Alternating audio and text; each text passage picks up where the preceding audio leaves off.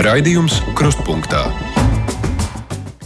Labdien, otrajos Ziemassvētkos krustpunktā studijā šodien ir Mārija Ansone. Tā kā ir svētki, šodien nebūs viss ierastā otrdienas diskusija, bet saruna ar cilvēku, kura zinātnisko interešu spektrs varie no kristietības līdz pat Latvijas militārajai vēsturei.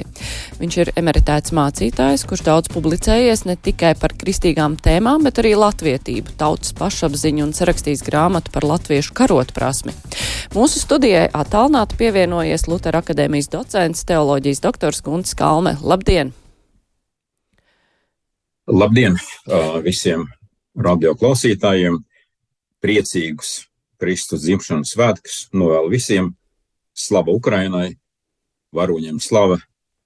Prieks, ka mēs varam svinēt šo Ziemassvētkus kopā arī ar viņiem.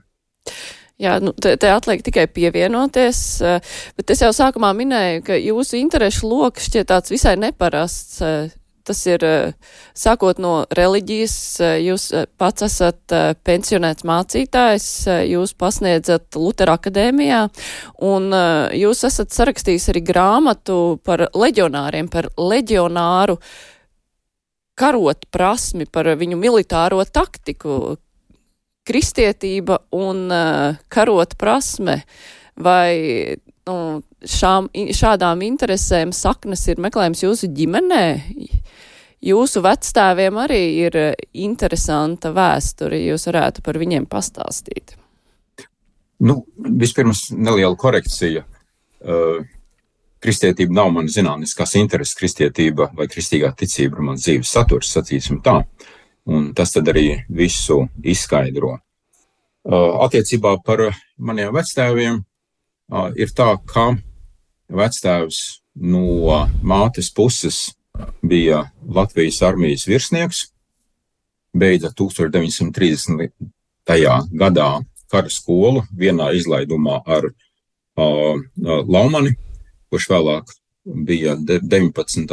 divīzijas uh, izlūku bataljona komandieris.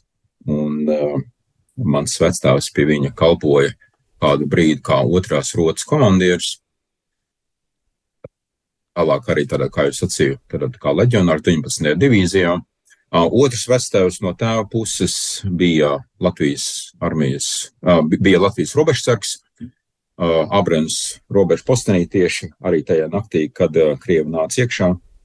Un mans tēvs man pastāstīja tādu epizodi, ka tajā naktī tika dota robežsargiem pavēle cīnīties līdz pēdējai patronai Vecāks esot ienācis iekšā viņa istabā, pamodinājis viņu, tad paņēmis viņu savās rokās, jo tēvs bija tajā brīdī vēl tikai, tikai tāds mazs pusaudzis, noskupstījis viņu un teicis, dēls, mēs vairs neredzēsimies.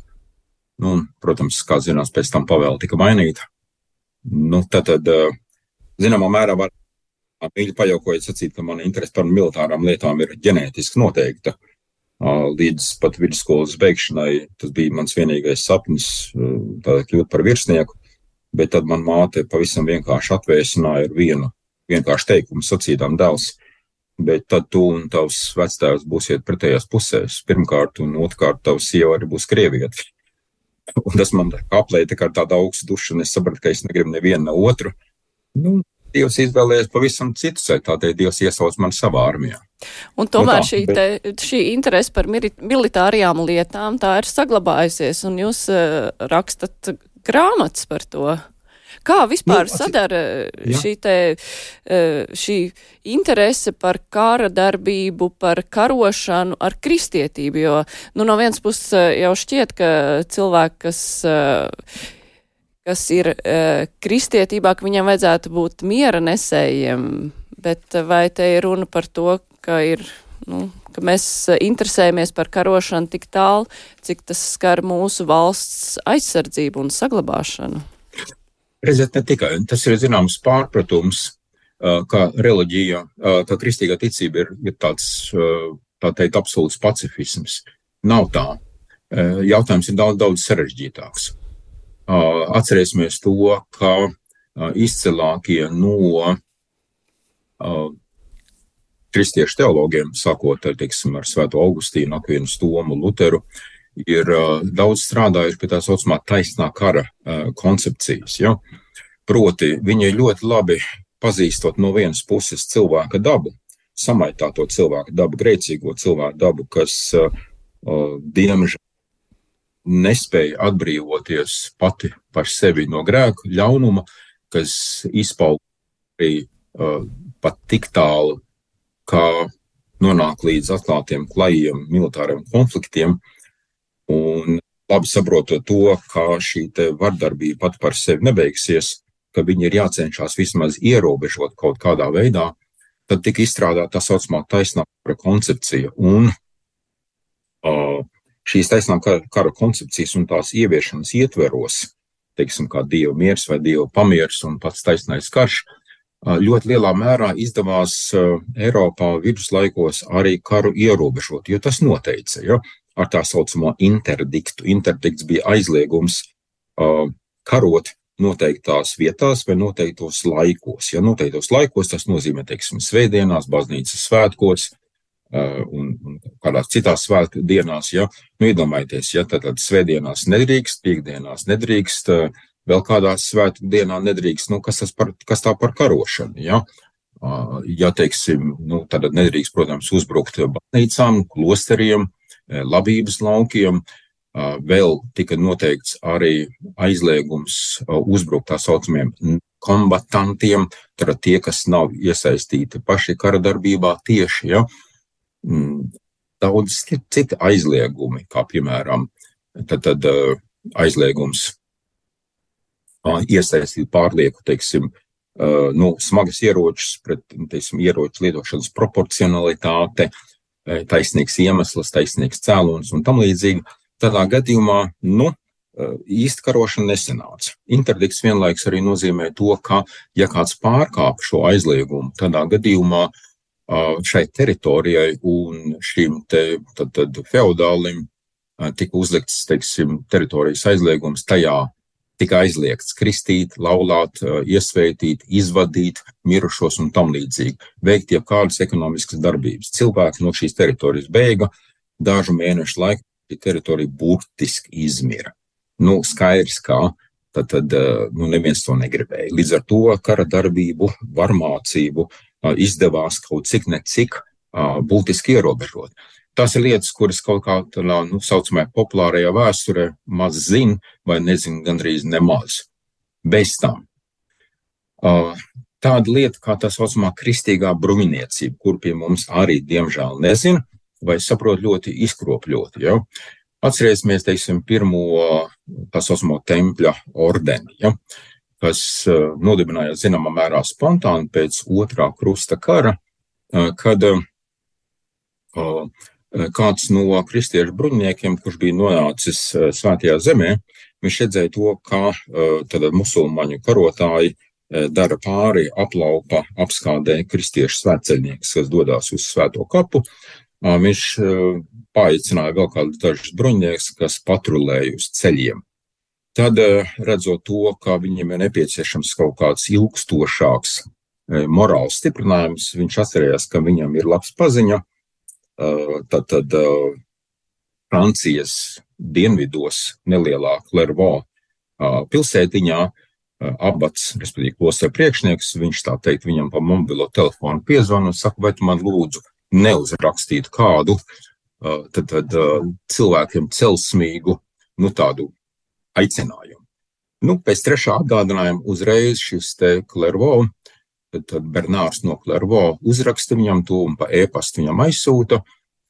Un tas izrādās ir tā saucamās jaunās bruņniecības cildinājums vai slavinājums, kurā viņš, tas ir tās ļoti nopietnas teoloģisks traktāts, kurā viņš pats būdams pēc izcelsmes no senas bruņnieku dzimtes, bet kļūst par, par mūku un abatu, abatu priekšnieku, uh, raksta, ka ir ārkārtīgi aplami. Ja bruņinieki, šie laicīgie bruņinieki, kurus viņš ir saskatījis bruņinieku turnīros, par kaut kādām nieku uzslavām, vai, vai nelielu atlīdzību, vai par tad, tad, uh, sieviešu smaidiem, nogalina viens otru. Daudz pareizāk ir, ja viņi aizstāvētu tātad uh, Kristus kapu pret šiem te saraceņu karotājiem un karot par kādiem svētīgiem mērķiem, tā teikt, aizstāvētu uh, kristīgo civilizāciju šodien sakot.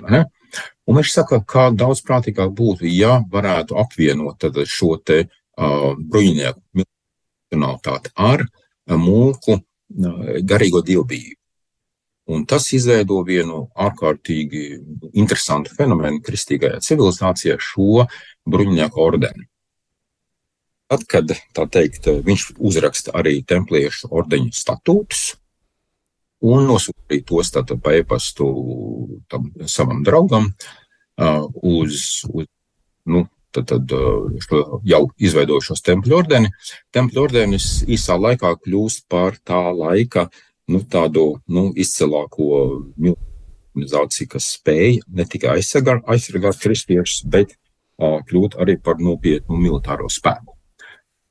Ļoti zīmīgi, kā piemēram Zobembraļa ordenis, kas 1202. gadā tika izveidots Rīgā, viņam tika dots šis templiešu ordeņa statūti, bet, kā mēs to labi zinām, bēdīgi slavenais Zobembraļa ordenis ne, nerīkojās pēc saviem statūtiem, uh, Un, zināmā mērā, varētu pat ironiski sacīt, tāpēc viņas arī piemeklēja Dieva sots 1236. gada saules kauja, kur, kur viņus ne tikai sakāva, bet burtiski e, militāri iznīcināja. Nu jā, bet tomēr, nu tā. jā, atgriežoties tomēr pie mūsdienas, te, te, tajā jūs stāstā vislabāk izklausījās, protams, par e, e-pasta nosūtītās vēstules. es saprotu, jā. Bet uh, jūs esat neret uzsvēris vairākās uh, sarunās, tajā skaitā arī Latvijas radio klasikā, kur jūs esat uzstājies par uh, Latvijas un latviešu piedrība Eiropai, cik tas ir ārkārtīgi būtiski, un Eiropa savukārt ir kristīgo vērtību nesēja, bet eh, mūsdienās vai kristīgo vērtību nesējs eh, obligāti ir arī kristietis, jo kristīgās vērtības ir tās, uz kā balstās eh, mūsdienu Eiropa, arī daudz, kas Eiropas Savienības vērtībās arī balstās tieši tur. Redziet tā, neapšaubām Rietuma Eiropa joprojām ir, ja tā varētu sacīt, zem Kristus krusta, zem viņa sveitības, kaut arī pati aizvien vairāk un pātrināt no tās, diemžēl, attālinās. Un no tā ļoti lielā mērā arī ceļas viņas daudzas problēmas. Eiropas Savienība, diemžēl, savā konstitūcijā pat neļāva ierakstīt pat kaut kādu vēsturisku atsauci uz kristīgo ticību. Un tas ir patiešām diezgan nožēlojams fakts, jo tādā veidā viņa pati atsakās no ne tikai no vēstures, ne tikai no references, bet arī teiksim, no šīs te, uh, sveitības, kas uh, kristīgai ticībai un kristīgās ticības radītajām vērtībām uh, neapšaubām nāk līdzi. Atcerēsimies to, teiksim, kādas šīs vērtības ir. Ja? Pirmkārt, pati svarīgākā ir trīsvienīgais dievs, un no tās izrietošās, teiksim, ar ētiskās vērtības, ko vienā vārdā varētu par kristīgo humanismu, tam sekojošo, teiksim, darba ētiku, neapšaubām ārkārtīgi svarīgi ir arī tās vērtības, ko kristīgā ticība un kristīgā civilizācija, vai rietuma Eiropas civilizācija, pareizāk sakot, pārņēma arī no grieķu romiešu kultūras. Ja? Nu, piemēram, elementāra antīkā filozofija, ja?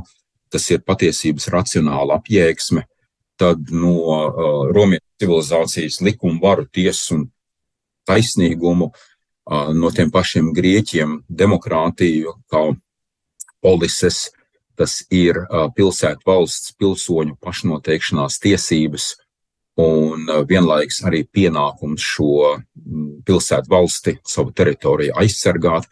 Un tas ļoti precīzi sasaucās kopā arī ar to, ko mēs lasām Bībelē, 1. mūzes 2.15. Ja, kur uzdevums pirmajiem cilvēkiem, un šis uzdevums nav atcelts, ir kopt un sargāt savu zemi, savu teritoriju, nu, pirmiem cilvēkiem. Tad, tad paradīze, ēdene, tas, kas attiecās uz mums, latviešiem, kā Latvijas valsts nācija, pamatnācija, tad tā ir mūsu dzimtene, mūsu Latvija. Ja?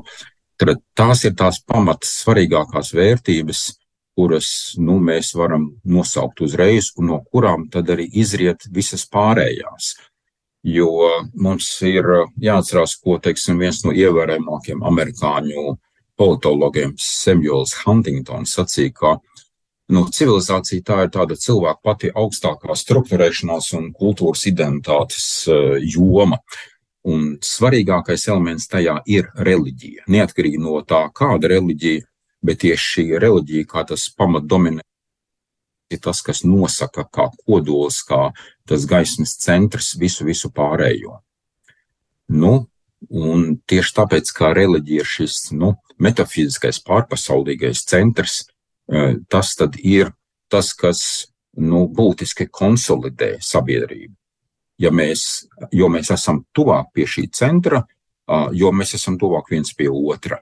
Līdz ar to tas arī veido sabiedrības šo cementējošo faktoru, jo mēs esam tālāk no centra, jo aizvien vairāk iedarbojas centra beidzas faktori, un tas ir tas, diemžēl, ko mēs šobrīd saskatām gan pie Eiropas, gan arī paši pie sevis, es domāju, kā Eiropas sastāvdaļas.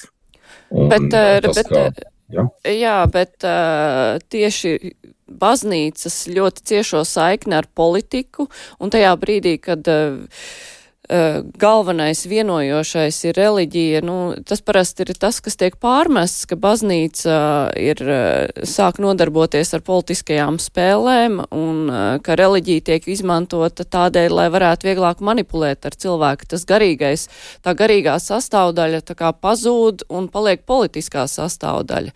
Un tas ir tas, kas ļoti bieži tiek pārmests baznīcai. Redziet, jautājums ir par to, vai redziet, slikts var izmantot jebko. Labas lietas vienmēr var slikti izmantot, un diemžēl tas bieži arī notiek. Un tieši tas ir jāatšķir. Tieši tāpēc ir labi, uh, ka uh, ir šis aicinājums vienmēr attīstīt kritisko domāšanu. Kritiskā domāšana tas ir viens no tātad patiesības racionālās apjēgsmes faktoriem, ko mēs tā kā Eiropas civilizācija esam mantojuši no, tad, tad teiksim, piemēram, Grieķijas, no Grieķu romiešu civilizācijas. Tas jālieto. Jautājums ir teiksim, par šo baznīcai, cik lielā mērā iet vai neiet politikā. Es domāju, ka jautājums par baznīcas un valsts šķirtību un sadarbību, tas ļoti svarīgs princips. Baznīca ir šķirta no valsts, bet baznīca no šķirta no sabiedrības.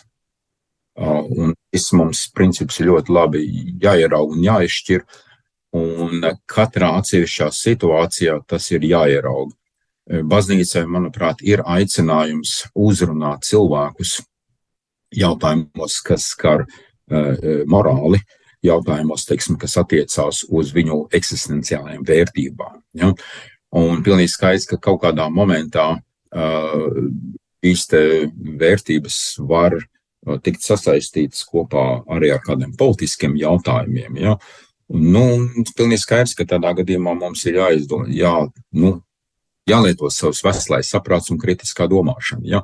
Jo, ja baznīca to tikai par tādu, tā teikt, garīgo sanatoriju, kur patvērties no dzīves nedienām, kur aiziet tāpēc, lai varētu nedomāt, lai varētu, tā teikt, brīdi pasēdēt skaistā vidē, kur ir skaista mūzika, skaistas vitrāžas un tā teikt, attelpoties, izmantot to kā tādu garīgo rekreācijas centru vien, nu, tādā gadījumā, manuprāt, tad baznīca nav vajadzīga. Baznīca drīzāk, es gribētu teikt, kā ir tāds spēku akumulators, ja? kā vieta, eh, kur es patiešām varu apjēgt, vieta, kur man uh, ir skaidri norādīti mani, teiksim, orientieri, mani eksistenciālie orientieri, kur es varu iegūt atskārsmi, skaidrību par tiem, tā es ieraugu, teiksim, baznīcas misiju. Bet vai jūs redzat, Jā. ka Eiropā, Amerikā, nu vispār rietumu pasaulē, kur tomēr nu, cilvēku eksistence ir vairāk pavērsusies uz materiālo pasauli. Vai šajā pasaulē var notikt nu, tāda atgriešanās eh, pie baznīcas un tās ietekmes, pie reliģijas un tās ietekmes, eh, nu, kaut vai, lai tas būtu līdzīgi, kā tas ir islāma pasaulē, kur šīs lietas ir daudz ciešāk saistītas, vai vispār, nu, mūsu pusē, mūsu rietumu pasaulē šāda, šāds pagrieziens vēl ir iespējams, vai jūs tādu redzat? Atzīsim tā, pirmkārt, nevis vai, nevis vai ir iespējams, bet tādi ir bijuši. Nu, kaut vai teiksim, tāds no pats fundamentālākais, kāds no tādiem ir bijis 16. gadsimtenes reformācija. Un atcerēsimies, teiksim, to secību, kādā tad reformācija notikās, to nevis vēsturisko, tik daudz kā loģisko, proti, ja, visu pirms e, notiek pati, teiksim, teoloģijas, respektīvi pati, teiksim, kritērija attīrīšanās, noskaidrošanās, mācības, tad, tad nu, noskaidrošanās attiecībā pret pamatkritēriju, kas ir dievvvārds, kas ir svētie raksti. Ja. Tālāk caur to notiek baznīcas kā institūcijas, eh, tad, tad iekšēja reformācija. Nu, Lutera gadījumā tad, tad eh, reformācija notikās tādējādi, ka viņš gribēja būt reformātors baznīcas iekšēnē, viņam to neļāva, viņu no baznīcas visnotaļ varmācīgi izstūma, izslēdza, ko progresīvākie no romiešu katoļu Romas katoļu baznīcas teologiem, kā piemēram Lurts un citi sauc saucamās jaunkatoļu teoloģijas pārstāvi ir atzinoši tiešām, diemžēl, par kļūdu. Ir tā kā ir, bet to, ko mēs redzam tālāk, ka šī kustība kopumā ļāva Rietumē Eiropas civilizācijai atjaunoties būtiski, mobilizēt savus iekšējos garīgos spēkus un uh, izvest atkal, teiksim, nu, rietumu civilizāciju uz tādu atjaunotnes uh, gultni. Mm, līdz ar to, ja mēs, teiksim, tagad paskatāmies tādā plašākā mērogā, piemēram, civilizāciju teoriju, mēroga, teiksim, Osvalds Špenglers, kurš saka, ka pasaulē ir vairākas civilizācijas, bijušas daudzas, pa, pamatā ir palikušas tikai dažas, Un pēc civilizāciju teorijas idejas, tad civilizācija ir dabisks organisms, kas attīstās, izaug, nobriest un pēc tam arī nomirst. Viņa prātā tad mēs esam šajā nomiršanas stadijā. Arnolds Toinbijs, britu civilizāciju pētnieks, saka, ka uh, elements katrā civilizācijā ir viņu, tā teikt, herētiskā uh, elite, kas spēj vai nespēj uh, izvest civilizāciju no krīzes situācijām. Nu, lūk, Lutera gadījumā šī herētiskā elite, varētu zināmā mērā teikt, bija viņš un viņa kolēģi. Protams, neapzinoties un negribot, tas nebija viņa pirmais mērķis, tātad nodarboties ar rietumu Eiropas civilizācijas glābšanu. Ja?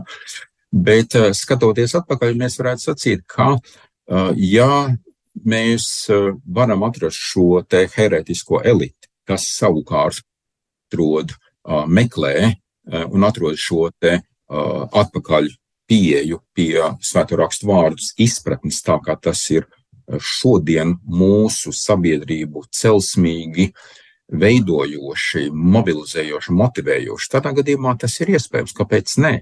Un es gribētu sacīt, ka Lutera gadījumā tas, protams, bija Dievs, un mūsu gadījumā tas atkal būs Dievs, kas mūsu rietumu Eiropas civilizāciju izveidos, pār, pārveidos neapšaubāmi.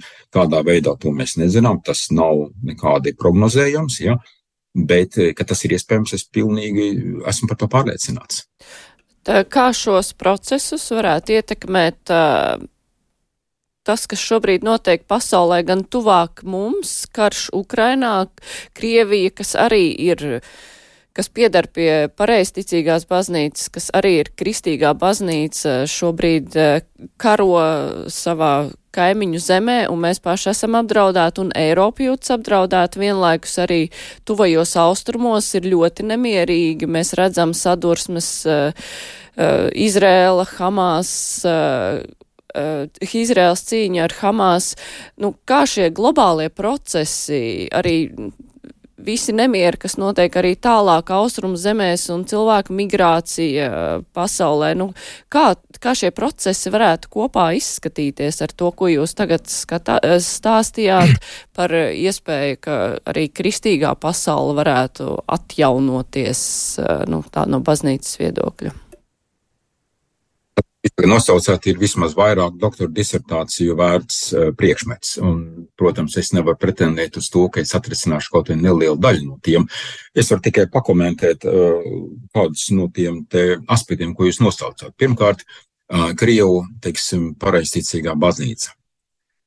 Diemžēl jāsaka tas, ka jautājums par to, vai viņu konkrētāk Krievijas pareizticīgā baznīca šobrīd ir kristīga Manuprāt, diemžēl nē.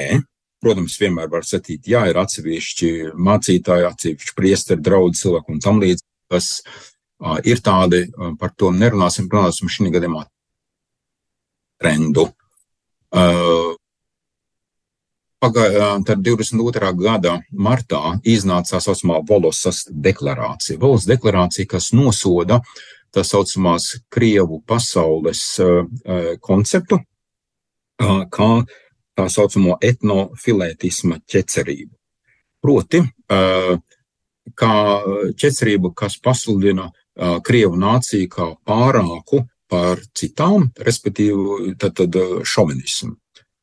Tas tikai parāda to, ka Krievu pareizticīgā baznīca šobrīd, diemžēl, pilnīgi klāji kalpo tātad puķinisma ideoloģijas interesēm, atbalsta un svētot karu, kļūst tādā veidā par nu, izteikti militāristisku reliģiju. Ja? Un, diemžēl, jāsaka, šādai tendencei ar klasisko, ja tā varētu teikt, biblisko kristietību nav nekāda, nekā kopīga. Kāda no amerikāņu militārās ētikas teorētiķiem, Paulīna Kaurīna, kāda no saviem darbiem ir sacījusi, ka ir atšķirīgi veidi, kā cilvēki dzīvo, domā un karo. Un, ja mēs šo viņas domu pielāgojam, teiksim, Krievijas šī brīža vešanas stratēģijai, tad redzot to, ka šī kara vešanas stratēģija nekādā veidā nesaskan ar tā saucamo taisnā kara konceptu, kas ir Rietuma Eiropas civil, militārās, civilizācijas militārās ētikas viens no pamatnosacījumiem. Mēs redzam to, ka Krievija savu karu ved masveida sadistiski kara noziegumu veidā. Uh, Tādā gadījumā atliek viņu definēt kā anticivilizāciju. Ja? Nu, lūk, līdz ar to mums ir jāsaprot tas, ka šī gadījumā Ukraina ir rietuma Eiropas civilizācijas nu, priekšējā frontes līnija pret šo anticivilizāciju, nu, kas tikai, lai pasaka, demagoģiski apgalvo, ka viņi ir kristīgi. Nu, nekā kristīgi, diemžēl, tur uh, vairs nav. Ja. Patiesībā sakot, mēs dzīvojam tādā pasaules krīzes situācijā, kurā Ukraina ir tas, tas ietūksnis, kas aizsargā, protams, paši sevi, bet mums ir jābūt viņiem pateicīgiem. Caur to viņa aizsargā arī Baltiju, viņa aizsargā Eiropu un ļoti lielā mērā arī vispār. Nu, kas šajā cīņā uzvarēs, tas būs arī tālākais, teiksim, notikumu virzītājs. Tāpēc mums, mēs nedrīkstam pagurt atbalstīt Ukraiņu visos veidos, kā vien tas ir iespējams, sākot ar lūkšanām, aizlūkšanām, militāro, loģistisko, morālo, psiholoģisko, militāro un jebkuru citu veidu palīdzību, kāda vien viņiem ir a, nepieciešama. Tāpat mēs redzam arī nu, šos, ja ne Krievijas izraisītos, kurus varbūt nav, nav iespējams pierādīt, bet vismaz atbalstītos, teiksim, dažādos, teiksim, militāros nemieru punktus, kā, teiksim, tagad Hamas karš pret Izrēlu, ja? Nu, mēs redzam tieši to pašu, ka, teiksim, tad Krievija cenšas šo, nu, militāros konfliktus, principā karus, izplatīt arī citur pasaulē, lai saskaldītu Amerikas atbalstu uh, Ukrainai un novērstu pasaules uzmanību savā uh, neģēlīgā kara pret uh, Ukraiņas suverenitāti un pret Ukraiņas tautu, Ukraiņas valsts, valstiskumu kā tādu. Uh, jūs raksturojāt Krievijas karu ar Ukrainu un arī ar rietumiem kopumā kā anticivilizācijas un civilizācijas sadursmi, bet kā ir ar islāma pasauli? Mēs jau pieminējām Hamas, kas ir uh, teroristiska organizācija un uh, kas ir viena daļa varbūt uh, no islāma pasaules, kuru daudz arī musulmaņi nu, ne, nevis neatzīst, bet arī nosoda viņu darbību. Tajā pašā laikā vai runājot par islāma pasaules un rietumu pasaules sadursmi, nu, kurš jūsuprāt šajā situācijā būs uzvarētājs, ja turpinās nu, procesi bez būtiskām izmaiņām, tādi kādi tie ir sākušies rietumos. Redziet, šī gadījumā tā situācija, kā lai pasaka, strateģiski ir pat ļaunāka. Proti, aiz kaut kādas uh, nenosakāmas leticības, naivitātes, uh, nu, kā pasaka, bezpamata labsirdības, vai kā to varētu nosaukt, ļoti daudzi, nu, nezinu, simti tūkstoši, tad, tad migranti tika ielaisti Eiropā. Un tagad, kad norisinās šis te karš, tas nav vienkārši militārs konflikts, manuprāt, vienkārši jāsaka godīgi, ka tas ir karš starp Hamasu un Izrēlu. Mēs redzam to, ka ļoti daudz no šiem migrantiem šobrīd, kas atrodas Eiropā, musulmaņu migrantiem, tie neapšaubām atbalsta Hamasu, kas ir, kas ir, kas ir musulmaņi. Ja? Līdz ar to tā ir tā teikt, piektā kolona pašā Eiropā. Un Eiropā tas jau ir sagādājis milzīgas nepatikšanas grūtības. Atceramies visus entos teroraktus, kas ir tikuši jau, kur, kur, kurus, tā teikt, Eiropā ir, ir pārdzīvos un, diemžēl, joprojām pārdzīvo un nedodies vēl kāda vēl būs priekšā. Ja? Līdz ar to tā ir fronte, tā teikt, tēva mājas pagalmā ar to Rietuma Eiropa tiks galā, ziniet, tas ir ļoti grūts jautājums. Rietuma Eiropa sāk lēnām jau mosties, sāk šos, teiksim, migrantus vienu otru izraidīt ārā, bet, manuprāt, tā teikt, tā lieta ir, diemžēl, jau ielaista pārāk dziļi, pati Merkele, kas ir viena no šīm politiskā projekta autoriem, vismaz izpildītājiem, pat ir atzinusi, ka tā ir viena no viņas lielākajām kļūdām. Bet, nu, saprotiet, tas jau ir daudz par vēlu pateikt, ka es toreiz kļūdījos. Ja? Nu, pateikt jau var, bet jautājums, vai var pavērst tagad šo notikumu virkni atpakaļ, manuprāt, vairs nē. Jautājums, eh, kā tagad eh, Eiropas civilizācija ar to tiks galā, vai viņa ir spējīga, teiksim, kaut kādā mērā, nu, eh, integrēt viņus savā vidū, Ziniet, es nebūšu tāds optimists, jā, jo mēs redzam to, ka viņi izveido savus iekšējos konklāvus, un, pateiksim, policija negrib iet iekšā. Nu, komentāri šeit ir lieki. Parasti Eiropas tiesības, cilvēktiesības, cieņa pret uh, ikviena cilvēka dzīvību, cieņa pret ikvienu cilvēku, nu, ir tādās nedemokrātiskās pasaulēs uh, tiek uzskatīts par Eiropas vājumu, un tas bieži vien arī tiek izmantots uh, pret Eiropu. Arī, ja mēs pavērojam, kā norisinās uh, attiecības uh, ar Izrēlu, kā tiek, uh, precīzāk sakot, uh, kā Hamas, kas nekautrēdamies aizsadz ar civiliedzīvotājiem, vienlaikus var pārmest Izrēlai un apelēt pie rietumu vērtībām par to, ka Izrēla pārāk cietsirdīgi cīnās ar Hamas un attiecīgi cieši civili iedzīvotāji. Tajā pašā laikā vai Eiropai vai rietumiem ir jākļūst, eh, nu, es ne, negribu lietot šo vārdu cietsirdīgākiem, bet stingrākiem, ja viņi vēlas, eh, ja mēs vēlamies, eh, nu, nākotnē kaut kā sevi aizstāvēt, jo šīs mūsu tiesības, cilvēktiesības, cieņa pret cilvēku tiek beigās pavērstas pret mums pašiem no ārpuses. nu, zīmīgi, teiksim, ka šo te vispārējo cilvēktiesību deklarāciju 1948. gadā uzrakstīja Libāņu teologs un diplomāts Kārls Maliks. To ir vērts atcerēties. Proti, respektīvi, tas, ko jūs nosaucāt, šis fakts, tas, tas ļoti labi ierakstās hibrīda kara taktikā. Proti, tad hibrīda karu lieto parasti uh, civilizācijas ziņā eh, vājākais oponents pret civilizācijas ziņā stiprāko, teiksim, konvencionālā kara nozīme, tāpēc tiek lietot kaut kāda šī nelineārā vai netradicionālā taktika. Un tajā ļoti labi ierakstās tā saucamais juridiskais karš vai likumu karš, kurā tad, tad tiek eh, šai Rietuma Eiropas civilizācijai pārmests, ka viņa tad, tad kaut kādos atsevišķos brīžos nav rīkojusies saskaņā ar uh, saviem tīsim, juridiskiem principiem, nu, kuru interpretācija tad, tad tiek varbūt sagrozīta pat no pretējās puses. Kaut arī šī pretējā puse, protams, neuzskata viņus šos principus par sev saistošiem.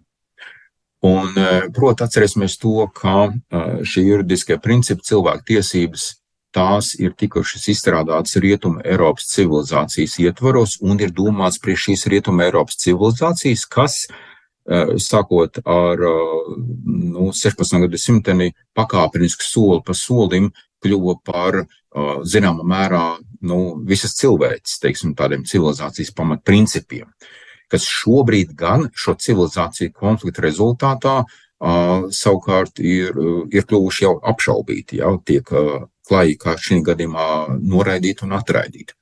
Jautājums, ko mums darīt šajā gadījumā, kad tas vērsts tiek vērsts pret mums pašiem, manuprāt, mums ir svarīga uh, principu nu, uh, prioritizācija. Pirmkārt, jāatcerās, ka demokrātija nav visatļautība. Uh, jāatcerās tas, ka uh, demokrātija vispirms ir jāaizsargā pašai sevi. Līdz ar to arī nācija valstī, kas ir viens no, teiksim, demokrātijas nesēju institūtiem, ir vispirms pašai jānodrošina sevis izdzīvošana, sevis pastāvēšana. Ja? Tad tam vajadzētu būt tam svarīgākajam principam. Nevajadzētu ļaut ar demokrātiskiem līdzekļiem iznīcināt pašu demokrātijas nesēju. Ja? Tas ir tas, ko šis, šī hibrīda kara taktika cenšas izdarīt. Ja? Nu, un vienkārši cenšas cilvēku apmulsināt ar tā saucamo kara miglas principu, ka cilvēks vienkārši samulsina un apmulsina. Nu, šī gadījumā tieši tāpēc ir ļoti svarīgi mums atgriezties pie Rietuma Eiropas teiksim, militārās ētikas pamatprincipiem, šiem taisnā kara principiem, un ties tos tālāk izstrādāt, un pie tiem arī nopietni strādāt un, to, un tos attīstīt. Tad tas ir tas, ko sauc rietumos par militāru patriotisko ētosu. Bet eh, cik vienkārši ir uh, iedzīvināt šo principu, ka pirmkārt mums ir svarīga savas valsts pastāvēšana, un attiecīgi tas noteikti attiec arī uz visām Eiropas Savienības dalību valstīm, bet tā situācija jau ir ļoti dažāda. Nu, mēs, uh, nav jau vienas tādas skaidras receptes, kas mums ir jāizdara, lai nodrošinātu valsts pastāvēšanu tajā brīdī, kad uh, ir tāds vai citāds apdraudējums. Jūs jau pieminējāt ļoti daudzus migrantus, kas ir ieradušies no citām valstīm, kas ir izveidojuši savus jau kopienas, kas varbūt dzīvo šeit jau paudzēs, un viņi arī ir pilntiesīgi attiecīgās valsts pilsoņi, bet eh, viņu prasības un vajadzības eh, jau sāk atšķirties varbūt no tā, kas sākotnēji bija šai valstī. Vai ir vienkārši vairs atrisināt šīs problēmas, un tajā brīdī, kad eh, nu, tās ir kļuvušas ļoti daudzslāņainas. Tāpat arī Latvijā mums arī nav vienkārši atrisināt dažādas uh, problēmas, ņemot vērā, ka mums eh, valsts iedzīvotāji ir ne tikai latvieši, mums valstī dzīvo arī krievi, kas ir piederīgi valstī, kas uh, Es gribētos, eh, gribētos domāt, ka lielākā daļa no viņiem ir lojāli valstī un piederīgi, kas dzīvo arī šeit paudzēs, un mēs nevaram iziet tikai no tā, ka latviešiem jāsaglabā sava valsts, un jā, bet ko mums darīt ar visiem pārējiem cilvēkiem? Redziet, teiksim tā, mums visu pirms ir eh, jādomā pašiem par savu nāciju valsti, un katrai nācijai valstī ir tiesības uzstādīt eh, prasības saviem pilsoņiem. Uh, nevienam no pilsoņiem nav, teiksim, pienākuma uh, dzīvot šajā valstī. Ja viņš jūtas ar kaut kādu savu, teiksim, mentālo piedarību, vērtību, piedarību, vērtību apziņu, piedarīgs citai valstī vairāk, nu, ziniet, mēs šeit nevienu neturam nu, galīgi nemaz. Ja? Tāpēc, teiksim, ja jūs runājat teiksim, par krīviem, kas šeit dzīvo paudzēs, nu, atcerēsimies, kādi krievi šeit dzīvoja līdz 1940. gadam un kādi krievi šeit dzīvo pēc tātad Latvijas okupācijas 40. un 41. gadā. Pierodiet, tie ir ļoti atšķirīgi krievi. Ja? Tad, tad pirmajā gadījumā līdz 40 gadiem tā bija teiksim, neliela krievu bezsacībnieku teiksim, kopiena, kas dzīvoja pietiekoši noslēgti, tiešām patiešām lojāli. No viņiem, tad, tad tikai no viņiem arī mēs nevaram atzīmēt, teiksim, nevaram aizmirst to faktu, ka Viņiem piedalījās arī neatkarības karā, un 15 no viņiem ieguva pat Lāčplēša kara ordeni. Jā, jā, tāpat kā teiksim, arī kādi vācu baltieši un arī citu tautību pārstāvi, kas cīnījās par Latvijas neatkarību, protams, jā, bet arī pašā gadījumā tas nekādā gadījumā neā, neatsver vai neaizēno to faktu, kas notikās ar Latviju pēc 40. gada, ja Latvijas okupācija, ja, Atcerēsimies to, ko profesors Henrijs Strots kādreiz sacīja, ka Latvija šeit pārstāvēja 1,2 miljoni, un priekš nelielās Latvijas tas ir ārkārtīgi liels cipars - 1,2 miljoni, tad migranti no Padomju Savienības. Ja? Līdz ar to, teiksim, tieši tas, ko jūs sacījāt, gribētos domāt, ka viņi ir lojāli. Gribētos. Tā ir vēlmju domāšana. Mēs varam visu, ko domāt, bet atcerēsimies katru 9. maiju. Ja? kā mēs to redzējām, tiksim, tad pie pārdaugavas tā, nu, pieminekļa vai, vai kā okupekļa, precīzāk sakot, jau ne. Atcerēsimies visu to, un līdz ar to nu, visu mūsu vēlmu domāšanu izšķīst pret šo te Krievu, teiksim, impērisma piektās kolonnas sarīkotajiem gājieniem. Tas, ka viņš šobrīd ir pieklusuši, nenozīmē, ka viņu nav nenozīmē, ka viņu nav. Ja? Nedod Dievs, ka viņam pavērsots kaut kāds labvēlīgāks, teiksim, politikas pavērsiens, kas ļaut viņam pacelt galvu.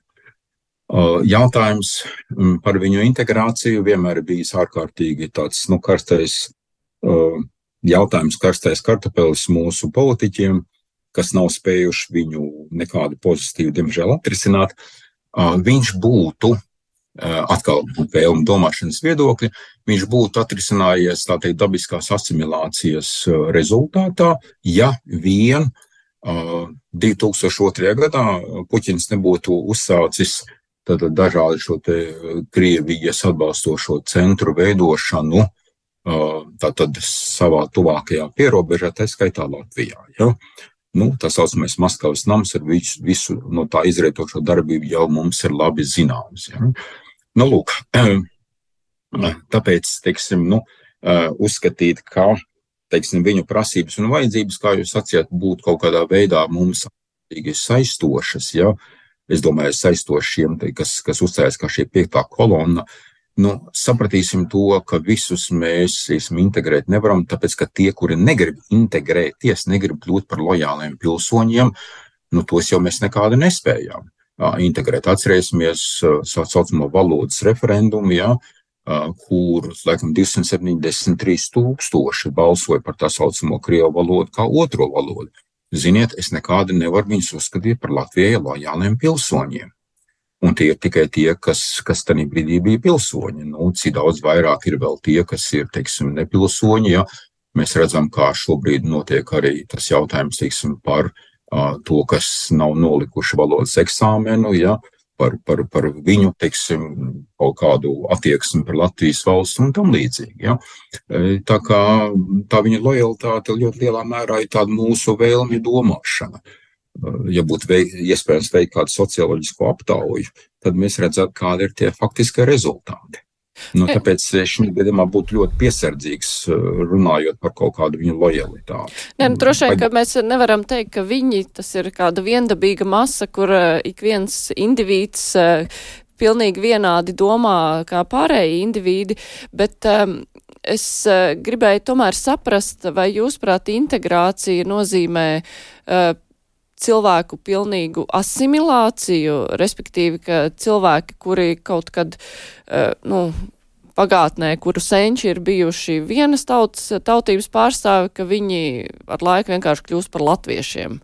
Runā latviešu valodā, bauda latviešu kultūru, piedara, protams, Latvijas pilsonībai, nezinu, reliģija tieši nu, latviešiem, jā. jā, varbūt dažādi, varbūt gan kristīgā, gan pagāniskā, bet, nu, katrā ziņā, vai, šie cilvēki, šo cilvēku integrācija nozīmē pilnīgi viņu asimilāciju, jūsuprāt? Vai jūs atceraties tādu mūsu latviešu tautas vēsturēs nozīmīgu personu kā vecais Stenders?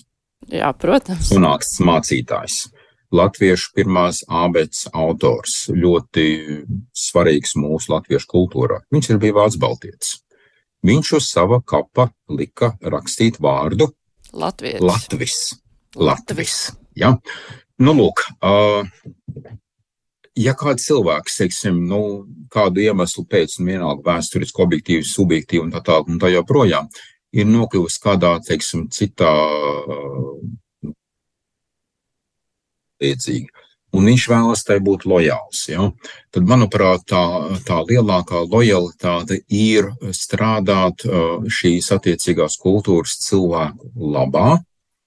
Uh, nu, viņiem pēc iespējas, teiksim, to labāko, kas ir viņam pašam, un patiešām integrēties viņu, viņu, viņu vidū. Tas nenozīmē, ka viņam vajadzētu zaudēt, teiksim, savu etnisko vai kādu piedarību, bet uh, es domāju, teiksim, kalpot šai nācijai. Un tādi piemēri mums ir ārkārtīgi daudz gan mūsu kultūrā, sāksim, teiksim, ar vācu baltu kultūru, bez kuras patiesībā sakot, teiksim, nu, latviešu kultūra jau pat ir neie, neiedomājama. Jā, tur paket ar, ar to pašu Stenderu, Manceli, Fīrekeru, Gliku un tā tālāk un tā joprojām. Jā. Tas ir, paņemiet jebkuru filologu, viņš jums to visu pastāstīs daudzkārt labāk nekā to var es izdarīt. Nu, lūk, un tie ir cilvēki, bez kuriem, teiksim, mūsu kultūra nav iedomājama. Un es tieši tāpat saprotu, ka tad, teiksim, šie te citas, teiksim, etniskās izcelsmes cilvēki, kas ir Latvijā, kas patiešām grib būt Latvijai lojāli, un ir tādi cilvēki, es pats tādus pazīstu, tekoši runā, teiksim, latviski un atbalsta Latviju un tam līdzīgi, ja. Esmu zemesargs un zemesardzes kapelāns un manā bataljonā ir arī vairāk krievi. Reiz vienās mācībās viens no viņiem, es necitēšu tieši, kurš viņš teica, kur tad ir tie kalniņi un bērziņi? Kāpēc man, kāpēc man krievam ir jāizstāv Latvija? Viņš tekoši runā latviski. Man tajā brīdī tas bija tāds pozitīvs šoks, vai ne? Es patiešām domāju, bet pilnīgi pareizi no viņa acu viedokļa, kāpēc Bet kur tad ir tie pārējie? Mums ir pietiekoši daudz bērziņu un kalniņu, sacīsim, citā valodā, eh, pārnestā valodā runājot. Ja? Es gribētu redzēt vēl daudz, daudz vairāk. Tāpēc no šī viedokļa es gribētu uzreiz pateikt, ka es patiešām atbalstu obligāto militāro dienestu, eh, vēl jau vairāk skatoties uz ģeopolitisko situāciju, tepat, tepat mums līdzās. Nu, Bet tā, tas tā grūtākais kā, jautājums ir, jā, mēs uh, varam priecāties un būt gandarīti par uh, visiem ne, latviešiem, kuri ir lojāli Latvijai, kā jūs nu pat raksturojāt arī piemērus, bet ko darīt ar tiem, kuri tādi nav? Nu, ziniet, tiesa tā, ko darīt ar tiem, kuriem tāda nav, tie, kuri, teiksim, aktīvi darbojas pret Latvijas valsti, uh, tur ir jautājums, kurš vienkārši par kriminālu atbildību. Uh, un uh, tie, kuri, teiksim, nevēlas piederēt, mēs viņus šeit neturam. Nekādā gadījumā ne. Bet, uh, nu, ja mēs pār... neturam, bet, bet viņi te ir, un viņi arī nekur neiet, un varbūt viņi arī kaut ko prasa. Labi, mēs varam tās prasības neizpildīt, bet tas jau arī nav tik vienkārši. Nu, ja kaut kur veidojas arī kaut kādas neapmierinātas kopienas, tur nekā krimināla varbūt nav, bet Vienkārši, jā, ir kaut kāda cilvēka daļa, kas eh, dzīvo savu rupu, savu dzīvi, tepat Latvijā. Nu, redziet, teiksim tā, šim cilvēkam soli pa soli ir jāsaprot, kā Latvijas valsts ir bija būs un nebūs savādāk, un uh, mēs netaisamies dēļ viņu, uh, teiksim, kaut kādām viņu atsevišķiem prasībām, uh, iedomātajām vēlmēm, E, mainīt savas e, nācijas pamatvērtības, savas nācijas valsts pamatvērtības. Tas viņam ir jāsaprot. Ja viņi dzīvo citā valstī, viņi to pieredzētu pavisam vienkārši tieši un diezgan skarbi. Mēs patiesībā sakot, esam bijuši gadu desmitiem, gadu desmitiem pārāk pieļāvīgi un pārāk piekāpīgi e, attieksmē paši pret savām, teiksim, valstiskajām vērtībām. Uh, un tas mums ir kaitējis. Un šis, tā teikt, zināmā mērā šāda viņa attieksme ir, ir tā rezultāts. Mūsu pašu, uh, zināmā mērā, piedodiet, gļēvuma un, un nevīrišķīguma un tādas nu, mīksmiesīgas attieksmes rezultāts. Bet, nu, beidzot ir pieņemts lēmums, ka visi mācās latviešu valodā, ka bērndārs tikai latviešu valodā, un tas tiešām ir beidzot, jo pārāk ilgi uz to gāja, bet vai ir vēl kaut kas jālemj, kur mums ir jābūt stingrākiem, jūsuprāt? Uh, redziet, valsts valoda ir tikai viena no, teiksim, pamatvērtībām, kas sastāda nu, katra valsts pamatbūtību un, un visam es mēģināšu jums ātri noskaidrot tās, kuras, manuprāt, tādas ir un kuras mums vajadzētu mācīt un audzināt. Uh, un saprast, ka bez tām mēs neesam mēs, respektīvi, tās ir tās, kas veido mūsu identitāti. Pirmkārt, tā ir latvieši, kā Latvijas pamatnācija, valsts nācija. Mēs paši esam sava pirmā vērtība. Punkts. Otrakārt, tā ir mūsu zeme. Visi 65,000 kvadrātkilometri, piedodiet, ne, nepiedodiet, abrēni ieskaitot. Atsevišķs jautājums, ļoti labi zinām, kā tas tika risināts. Tas ir kauns mūsu politiķiem, konkrēti tiem, kas to izdarīja. Bez tā, ka tā ir fiziska teritorija, šobrīd pie mūsu apdzīvotās telpas ir jāpieskaita arī visi citi telpas veidi, proti kultūra telpa, vērtību telpa, informatīvā, digitālā un visas citas telpas, kuras mēs kā cilvēki arī apdzīvosim. Tālāk tā ir latviešu valoda, kā Latvijas valsts valoda, valsts valoda un vienīgā valsts valoda. Kārt. Un atcerēsimies, ka valoda ir ne tikai tāda komunikācijas, bet arī identifikācijas. Tātad, teklis. Ceturkārt, protams, tā ir latviešu kultūra, sena kultūra, par kuru negribu šeit tālāk runāt, tāpēc, ka ir daudz, citu, daudz izglītotāk speciālistu nekā es. Pie, piektkārt, tā ir mūsu valstiskā suverenitāte, jeb šo, kā sacīja mūsu valsts prezidents Egils Levits, valsts griba. Sestkārt, tā ir mūsu vēsture ar mūsu vēstures vēsti, respektīvi vēstures vēsts, kas tad mēs esam šajā vēsturē, kādu mēs vēlamies redzēt savu vēstures uh, pamatatziņu, kas tad mēs esam un kāpēc mēs esam, kas mēs esam. Un šai vēstures pamatatziņai vajadzētu būt tādai, kas saka, ka mēs kā latvieši esam vienmēr gribējuši, vienmr auguši pēc savas brīvības, cīnījušies par to, izcīnījuši to, ieguvuši savu valstiskumu, pasaulē ir vairāk tūkstoši valodu, etnos, etnisko grupu, bet tikai 194 no viņām ir sava valsts. Un mēs, nebūtu ne lielākā, nebūtu ne bagātākā, nebūtu ne izraktiņiem bagātākā, esam viņu vidū. Mēs esam to izcīnījuši. Un tas ir mega fakts mūsu vēsturē. Uh, uz tā ir jābalstās mūsu patriotismam. Atcerēsimies arī to, ka patriotisms e, nav pārliecība par savas valsts perfekciju. Mūsu valsts nav perfekta. Tieši tāpat kā Rīga nekad netiks uzcelta līdz galam, pabeigta un tam līdzīgi, arī Latvija kā valsts nekad nebūs perfekta. Bet patriotisms ir pārliecība par savas valsts absolūto nepieciešamību. Tā ir mūsu valsts, mums nav citas rezervē, tāpēc mums par savu valsti ir jācīnās visādā veidā ne tikai militārajā karā, kas ir tā teikt klasiskais veids, konvencionālais veids, bet arī vispirms vērtību cīņā. Ja? Mums jābūt stipriem iekšēji, jo atcerēsimies to, ko Vilis Vītols sacīja savā grāmatā, lieliskajā grāmatā, kuru es aicinu visiem izlasīt un dāvināt kā ļoti labu Ziemassvētku dāvanu, vēl ir dabūjama rozes grāmatnīcā. Protams, viņš saka, ka krievi nekad neuzbruk stipram, viņi vienmēr uzbruk kādam vājām. Un beidzamā mūsu vērtība ir mūsu nācijas varoņu gars vai militāri patriotiskais ētos. Jā, un tas paldies. ir viens, kas arī balstās kristīgajās vērtībās. Paldies. Jā, un tas ir jāsargā. Es teikšu paldies. Šodien e, mūsu studijā attālināti bija Lutera akadēmijas docents Guntis Kalme. Paldies par sarunu otro Ziemassvētku laikā, un raidījums ar to izskan raidījuma producenti Ieva Zēza, studijā Mārija Ansona. Vislabāk!